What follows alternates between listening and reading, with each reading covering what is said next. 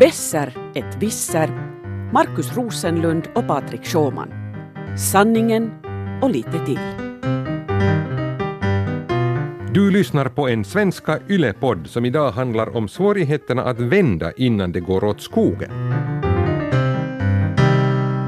Du vet säkert det här amerikanska uh, uttrycket uh, “wake up and smell the coffee”.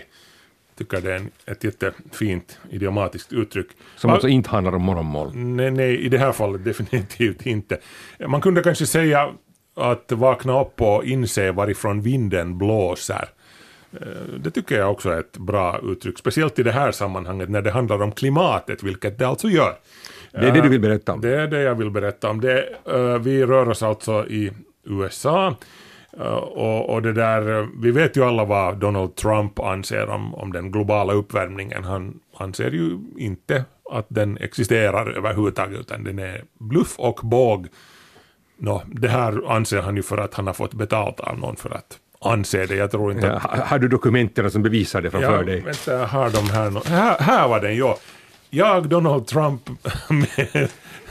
lovar härmed att bara eh, skälla på klimatforskarna om ni betalar mig. Som, no, ja. det, det, det, skrev han på svenska till Svenska Yle. Vi kanske ska påminna här om att han har till och med dragit sig ur Parisavtalet eh, för att han tycker att det är så onödigt. Han dragit USA ur Parisavtalet för han tycker det är så onödigt att arbeta för att vi ska ha en jämnare utveckling här i klimatet. Jo, han har ju framförallt utnämnt en massa uh, av sina klimatförnekande kompisar, sina uppvärmningsförnekande kompisar till alla nyckelpositioner eh, som han har kommit åt mm, under sin auktoritet som, som president. Bland annat det lokala, den lokala miljömyndigheten EPA har ju fått en chef, Scott Pruitt, som tycker att vet du, asfaltera hela jäkla landet bara om, om och så vidare. Ja, så då tycker man att han borde ha det här liksom kirrat för sin del. Nu kan han liksom leva i sin då klimatförnekar, eller klimatutvecklingsför, eller uppvärmningsförnekarbubbla. Där ja, han, han, han, framförallt så kan han leva i den här verkligheten utan att behöva få en massa tvekande och tvivlande blickar och, och repliker från sina närmaste medarbetare. Vilket är precis vad han har fått nu i det här alltså, senaste... han har fått en sån här då, snedblick? Ja, alltså Donald Trump gick ju då och utnämnde en viss uh, Jim Bridenstine till översta chef på NASA. Och NASA är ju i nyckelposition när det gäller den globala uppvärmningen och, och utforskandet och övervakandet av utsläpp och, och temperaturer etc. Så vet du, ska du utnämna någon uh, förnekare till en nyckelposition, så NASA är ju den här.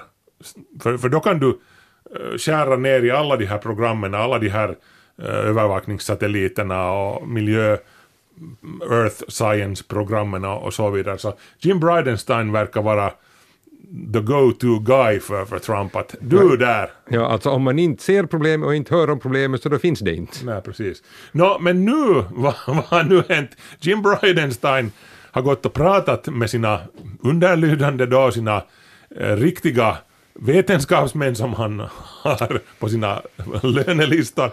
Och de har ju naturligtvis då gått och, och övertygat honom om att, att nej, hör du, det är nog på riktigt en uppvärmning på gång och vi människor är ansvariga för den. Och han har trott på dem. Alltså det är tungt det här att upprätthålla en tro på irrationella eh, idéer när folk kommer med goda argument. Det, det är tungt för herr Bridenstein. Bridenstine. Verkligen. Uh, Bridenstine säger nu, liksom, du kan inte ens på något vis om du är Trump eller någon av hans mm, förnekar kompisar, du kan inte ens på något vis liksom vända och vrida på det här att ja, men han kanske ändå menar att det finns en en chans att det är något annat än människan som... Han säger uttryckligen att när det, det är så här nu en gång för alla att, att den globala uppvärmningen orsakas av människan. Jag har lyssnat på mina experter och eh, har ändrat åsikt. Jag anser nu att global uppvärmning är ett faktum. Och det, det här, det här är nog... Jag, jag tänker vet du på, på republikanska partiets och Trump-administrationens kommande Eh, firma, julfester och sånt här, det, det, måste ju bli jättejobbigt eh, när alla de här eh, good old boys som förnekar uppvärmningen står där och minglar så kommer Bridenstine in, insläntrande och, och det blir sådär, det blir tyst och temperaturen sjunker genast med två grader i motsats till den globala medeltemperaturen som stiger med två grader. Men i alla fall, det, det, det, det blir ju helt enkelt otrevlig, tryckande stämning, dålig filis. Alltså som tur kan vi då säga från Trumps sida så har han ju inte visat några sådana hämningar när det gäller att sparka folk som då inte riktigt tänker och tycker som han. Nej, så det här är ju nödvändigtvis inte en god idé ur en karriärsynpunkt för, från Jim Bridenstines sida. Att det, det, kan nog hända att han hittar ett kuvert i, i postfacket ganska snart. Om. Det, det blir, går som för de här NASAs rymdkapslar, att de flyger upp med en raket men så landar de i havet sen Ja. Bara en bråkdel kvar. Men uh, han kan ju sparka den här Bridenstine, men det är intressant att han kan ju inte kanske sparka hela sitt parti. Uh, det visar sig att, att, det är ju inte bara Bridenstine som har gått och lyssnat på andra, utan också den här klimatskeptisen har liksom minskat bland republikanerna. Ja, det är intressant, de här senaste siffrorna. Att, att okej, okay, vi har de här de här riktigt hård, hårda linjens skeptiker, de här konservativa republikanerna, de, där är ännu en femtedel uh, det är bara en femtedel som tror att den globala uppvärmningen är ett faktum. Men var hade vi de här siffrorna? Här var de. Ja, moderata uh, republikaner, där har det skett en, en kantring, vet du. De var ännu tidigare, för något år sedan, där var, där var ännu under hälften av den åsikten att den globala upp, uppvärmningen är, är verkligt, verklig, men nu är det 57 procent av de, de här moderata republikanerna som kanske är den här middle of the road falangen. Så, ja. så de, de, de stöder nu tanken på klimatuppvärmningen som en mänsklig orsakad grej. Eh, lite besviken blev jag ändå. Jag, jag, först tändes det ett hopp i mig. Jag tänkte att, att eh, nu kan de påverka kanske då ledningen i partiet att liksom lyssna på vetenskapsmän i så fall och, och försöka liksom på något vis ta sanningen så, som vi vet den, den bästa vi har, liksom i beaktande, i betraktande på något vis när de ska då, eh, då Trump och hans gelikar göra politik. Men det visar sig att hela liksom, logiken här var den omvända, att, att problemet är det nu att Trump har inte kommit ihåg att påminna dem om hur hemsk den här eh, lögnen om klimatuppvärmningen är. Att det liksom är det funkar bra ännu då när han gick ut ur Parisavtalet och liksom skrek och ropade, så då, liksom, då blev folk övertygade om att ja, det är sant att Parisavtalet bara våg och, och, och, det handlar inte alls om att bekämpa global, global uppvärmning utan allt är bara någon konspirationsteori mot USA och så här. Men nu när han inte har kommit ihåg att påminna dem om det hela tiden så nu går det så här att att republikanerna inte riktigt kommer ihåg att de ska tvivla på den här klimatuppvärmningen och till och med nu då hans egen Bridenstine, ja. då blir det en avfälling. Ja, no, sen är det ju en annan sak, tyvärr ganska sorgligt nog, att Bridenstine också om han nu tycks ha, ha vaknat upp och, och, anat varifrån vinden blåser eller, eller känt doften av kaffe, så det är inte så jättemycket han kan göra, för, för NASA är väldigt politiskt styrt av kongressen i USA. Det är kongressen som bestämmer om NASAs budget och vad Bridenstine än säger eller tycker så, så vet du, kongressen kan konstatera att jaha, ni har börjat forska i, i den globala uppvärmningen igen, har ni, fast vi sa att ni ska istället satsa på att ta en människa till Mars eller någonting. Och sen, då skär vi ner i er budget si och så mycket och så är den saken ur världen. Så att, ja. Men, men i alla fall, det är ju trevligt med, med sådana små eh, positiva eh, glimtar där från USA. Just som man har trott att alla har tappat förståndet helt och hållet där. Så, så det är någon som visar att, att det är någon som är vaken där ännu. Sånt inger ju lite hopp. Ja, minsann.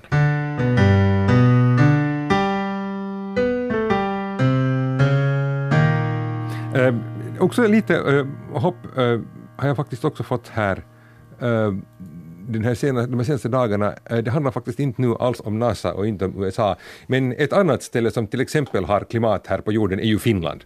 Aj, det, du menar det ja. och, ja. Det där, och, och, och, inte bara det, vi måste också ibland skydda oss mot det, så vi har ju hus. Och det, där, det visar sig att här i den här under den senaste tiden har vi byggt upp ett system som borde korrigeras.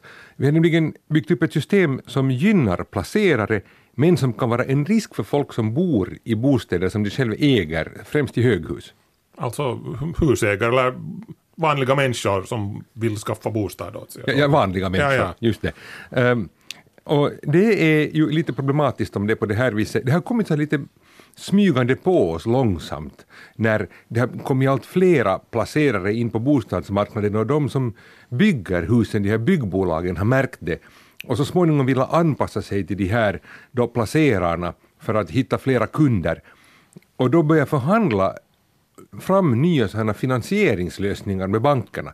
Nu för tiden, om du eh, vill då säga köpa en lägenhet, en nybyggd lägenhet, så ser det ju lite förvillande ut. Först så kan du säga att lägenheten eh, kostar säg 150 000 men sen när du börjar titta närmare så visar det sig att det står någonting om ett skuldfritt pris som är en halv miljon. Mm.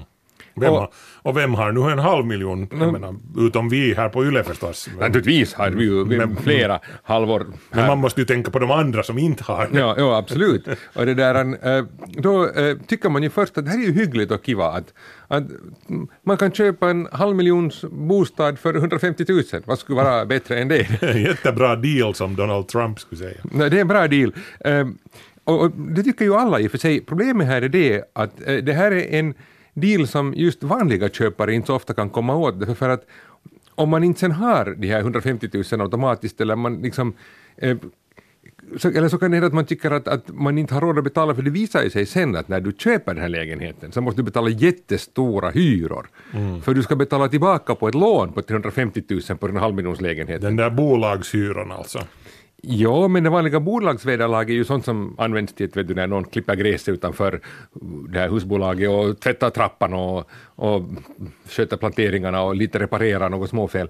Eh, Men så kommer det till en sån här stor andel som betalas till banken bara som avkortning på det här stora lånet. För den här om du köper en bostad som är värd en halv miljon och du betalar 150 000 då inser du att där finns ett lån på 350 000 som ju ska betalas tillbaka. Och om man då tycker att det här hyran är lite hög eller något, något man inte har riktigt råd med i den här ekvationen, då måste du gå till din bank och lyfta ett lån.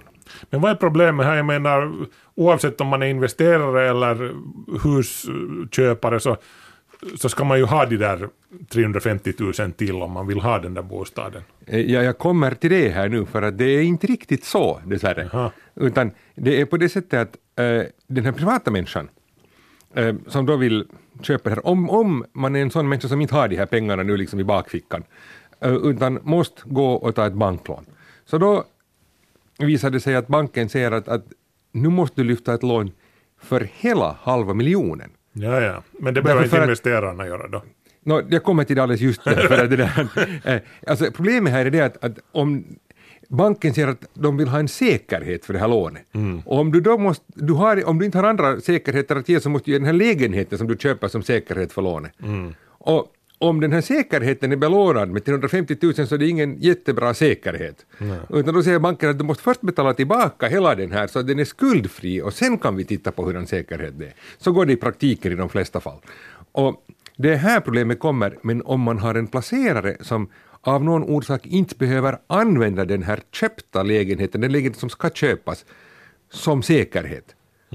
Då kommer man aldrig in på den här diskussionen att det inte duger som säkerhet. Men om vad- den här placeraren, ja, Ja, vad använder då placeraren som säkerhet då? Ja.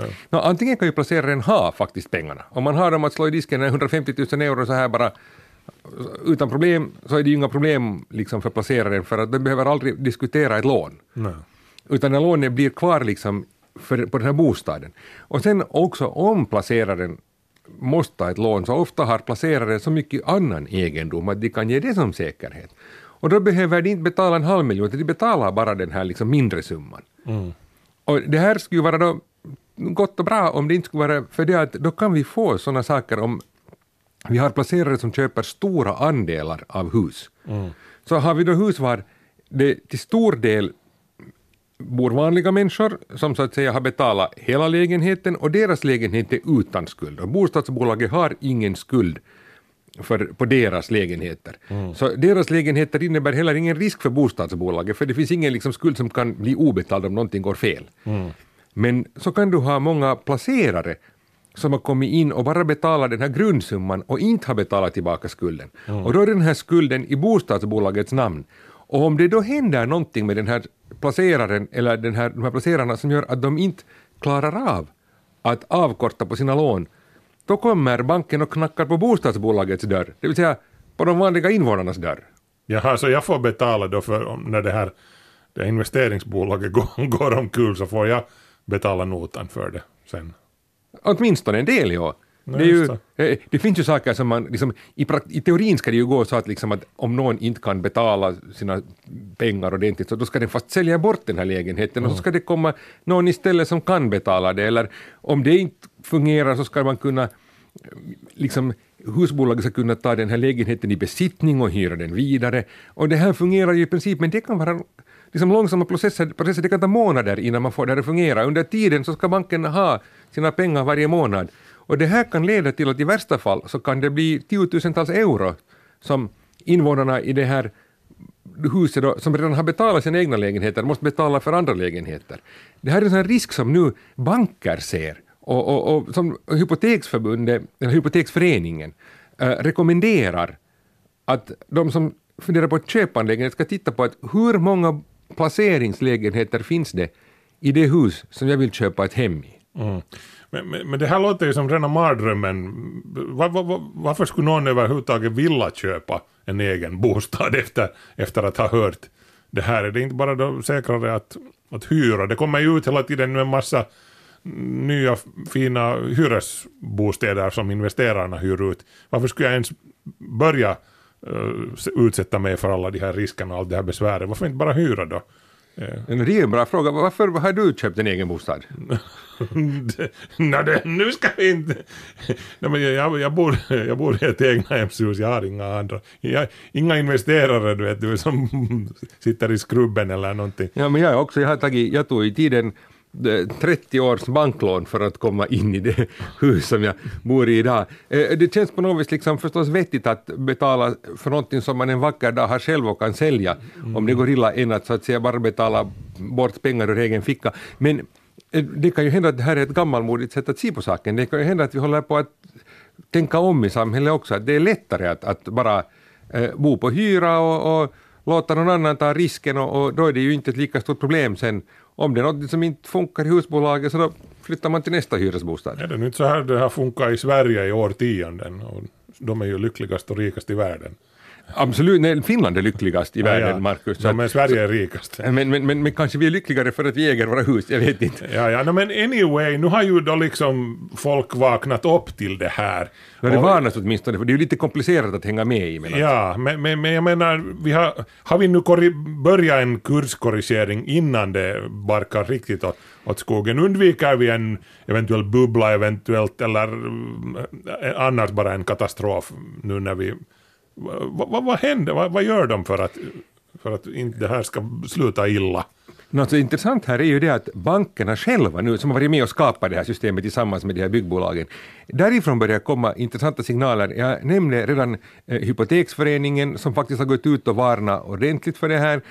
Nordea har också börjat fundera på att man borde ha ett tak på de här lånen som så att säga får följa med, att det inte skulle vara kanske då 70 procent utan högst säg hälften av bostadens värde, för att minska på den här risken. Ehm, och då har också eh, Finansinspektionen ehm, gått in och sagt att de tänker titta på det här nu. De, de, de funderar och överväger att borde man sen också eh, göra så att man skulle tvinga bankerna så att säga att ha mera pengar själv i lager för de lån som de ger till de här placerarna. Att liksom, här finns liksom nu rör på sig saker, vi ser klara tecken på att många som då antingen övervakar det här eller till och med de som aktörerna som varit med och skapat systemet börjar märka att hej, titta nu börjar det liksom gå lite väl hårt, nu kanske vi måste lite ta i handbromsen. Och det är ju ganska liksom betryggande för att det ser ut som att vi liksom åtminstone på något plan kommer att bromsa så att vi inte kör liksom helt ohämmat till skogs här nu. Jaha, men det här luktar ju lite som att Mm, bostadspriserna kanske kommer att sjunka nu så jag kanske borde, borde sen också fundera ännu två gånger ja, eh, på, på att byta bostad i det här skedet och vänta kanske ett år eller så. Eh, det här är ju sådana råd som ingen eh, ekonom eller person med självaktning eller självbevarelsedrift ska jag säga eh, vågar ge. Eh, I princip är det ju så att på det stora hela så bestäms ju bostädernas pris av utbud och efterfrågan eh, har vi en bostad som är fast världens bästa och vackraste bostad någonstans mitt ute liksom i skogen där ingen vill bo, mm. så har den inget värde.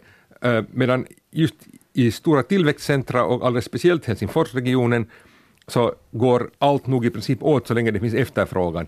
Men det är alldeles sant att, liksom att den här utvecklingen borde ju vara ganska jämn. Mm. Och det är ju inte sagt om du säger ett år. Det är att den på lång sikt, liksom, att, att så länge folk flyttar hit och så länge det finns liksom folk som vill bo här, att det finns en efterfrågan på bostäder, betyder ju inte att man kan säga att inte, den här utvecklingen ska vara ojämn. Och nu varnar faktiskt eh, Hypoteksföreningen för att den här utvecklingen kan bli mera ojämn i framtiden. Mm. Här tillkommer mm. ännu en lite, bara som en annan sak, att, att från början av juli är det ju så att man måste här i Helsingforstrakten ha ännu lite mera egna pengar än tidigare om man ska köpa en bostad. Så det här har man också kanske tänkt att lite, liksom, så att säga, drar ner på efterfrågan. ja, nej, jag, tror helt utan tvekan att, att det är bra att man nu börjar lite uh, ta det lugnt och sakta i backarna här. För, för vet du vad det är som får mig att inse att det är någonting på gång här som att vi behöver ta det lugnt. Min, min egen hustru som vanligtvis är den mest uh, sansade människa som finns, hon sitter vid frukostbordet ända där hemma och börjar prata om att ja, hördu, jag funderar om man borde investera i, i en etta i Åbo till exempel, en, en, en liten bostad i, i Åbo, för det är ju en sån här studentstad, vet du, där finns universitet och dit kommer det alltid att finnas folk som vill flytta och ha en liten bostad som de kan hyra. Tänk om vi skulle börja investera i en, en, en etta i Åbo och då, då inser jag att vänta nu, nu, nu börjar det slira här. Eh, nej, äh, inte, inte vet jag det. Eh, hon är, visar att hon är en trendig person, du hör ju att vi har många placerare och då ska jag säga att det är just ettorna som alla är ute efter. Det har lett till att äh, då byggbolagen bygger mycket fler ettor än annars, just för att placerarna vill ha de här ettorna. Det är de som alla vill ha. Det, det är smart i ett land där nästan ingen mera förökar sig och skaffar barn. där ser man framsynthet.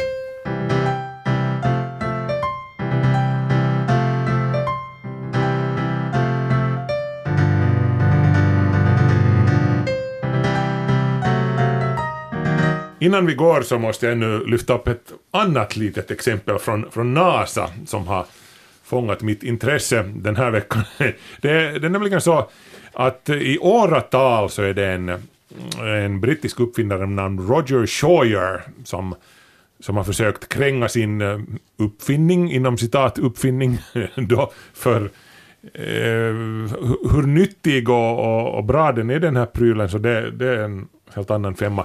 Eh, det ser ut som en eh, spritpanna ungefär, en eh, vet du, Pontica-panna av koppar. Den heter M-Drive, EM-Drive. Och det är alltså som han har tänkt det här till. Alltså, vad ska den göra den här? Ska den göra sprit? Nej. Först, först och främst vill jag be dig att tänka dig den här gamla bilden av en man som har gått ner sig i träsket. Och så räddar han sig själv ur det här träsket genom att ta tag i sina egna skosnören och dra sig upp. Eh, Marcus, du är vetenskapsreporter. Ja, no, men, ja, men det är på den här nivån den här M-driven är. Det är alltså en, en, en uh, raketmotor, sort of, som... Uh, en raketmotor som en sån här hembränningspanna? No, den ser ut som en sån. Uh, den är alltså, har i åratal förbluffat forskarna genom att den, den verkar utveckla en en drift, en, en framåtriktad drift, alltså den, den har utvecklat en drivkraft utan att, utan att vet du, avge något det kommer inte några eld och lågor ur, ur den om vi säger så, vet du, någon reaktion. Vet du, Newtons lagar. Alltså, alltså vad gör den? No, det är just det som är intressant. Alltså inuti den här kopparpannan så studsar det mikrovågor fram och tillbaka. Bang, bang, bang, bang, bang. Så här. Och och det här påstår Scheuer på något vis då ska uh, skapa den här drivkraften. Och det lustiga är att alla experiment som har gjorts med den här pannan så har visat att jo, den verkar faktiskt utveckla en liten drivkraft. Det är bara några mikronewton, men i alla fall NASA insåg ju genast att men jummi jammi, det här skulle vi kunna använda till våra rymdsonder. Den, den utvecklar ju så lite kraft, men det gör inte någonting. Vi kan sätta den på rymdsonden och ha den att accelerera ut i vet du, evigheten i årtionden, för det, det tar nästan ingen energi det här, det, det är väldigt energisnålt till skillnad från en vanlig raketmotor, så det skulle vara helt perfekt för NASAs sonder. No, men nu, nu har man då alltså gjort ännu ett experiment, NASA har gjort då, de, de, de blev väldigt intresserade och de började forska i den där. Och, och nu har de då i den här senaste, det här senaste experimentet kommit till att den här drivkraften som, som den här M-driven tycks utveckla de facto inte kommer från själva kopparpannan, från den här själva reaktorn så att säga, utan från de här elkablarna som, som eh, kommer och, eh, och kopplar in sig i den här kopparpannan. Så det är, det är de här kablarna som på något vis interagerar med jordens magnetfält och på det här viset, och den här lilla drivkraften kommer från de här själva kablarna. Och det är inte riktigt då alltså platt fall med andra ord? Det, det är ganska platt fall, ja. Det, det, tydligen kunde han då ha kopplat in de här kablarna vet du, i en vanlig kaffekokare eller en, en dammsugare och, och det skulle ha haft ungefär samma, samma effekt. Men, men hej, det här är så som vetenskapen funkar, det här tycker jag vi ska skåla för. Vetenskapen fattar nog ett intresse för det och, och sen skärskådar den det och, och belyser det från alla tänkbara vinklar och knuffar på det och vet du, sparkar på det och om, om det inte faller omkull så då är det ju fantastiskt, då har vi ett resultat. Men om det visar sig vara en kalkon som den här M-driven nu av, av allt att döma tycks vara så, så, så då har vi i alla fall, då undgår vi att slösa en massa tid i fortsättningen och då kan vi gå vidare. Men alltså det är bra att NASA har satsat flera år pengar på att undersöka om en i praktiken liksom en, en elektrifierad kopparpanna kan flyga. Ja, men, men bra i alla fall att man kommer på det här nu eh, och inte om tio år när man har slösat ännu mera pengar på det här. Synd å andra sidan att det inte visar sig finnas någonting i det här, för ofta är det ju så här att helt galna grejer så, som ingen tror på så visar sig sen ha någonting i sig och då, och då vinner ju alla på det och, och upp, uppfinnaren som alla spottar på från början som blir plötsligt rik och berömd och sådär. Men nåja, Scheuer får hitta på något nytt nu. Ja, men vet Marcus, nu låter du alldeles för logisk. Jag väljer att inte tro på det. Jag tänker nästa påsk flyga till Blåkulla på mikrovågsugnen. Det ska du göra. jag, jag sitter på pakethållaren.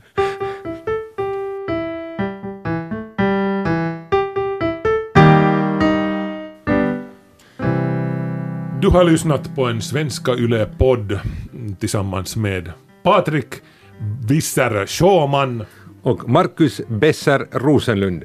Vi flyger tillbaka mot dig i nästa poddavsnitt. Det gör vi. Kom ihåg solskyddsfaktorn.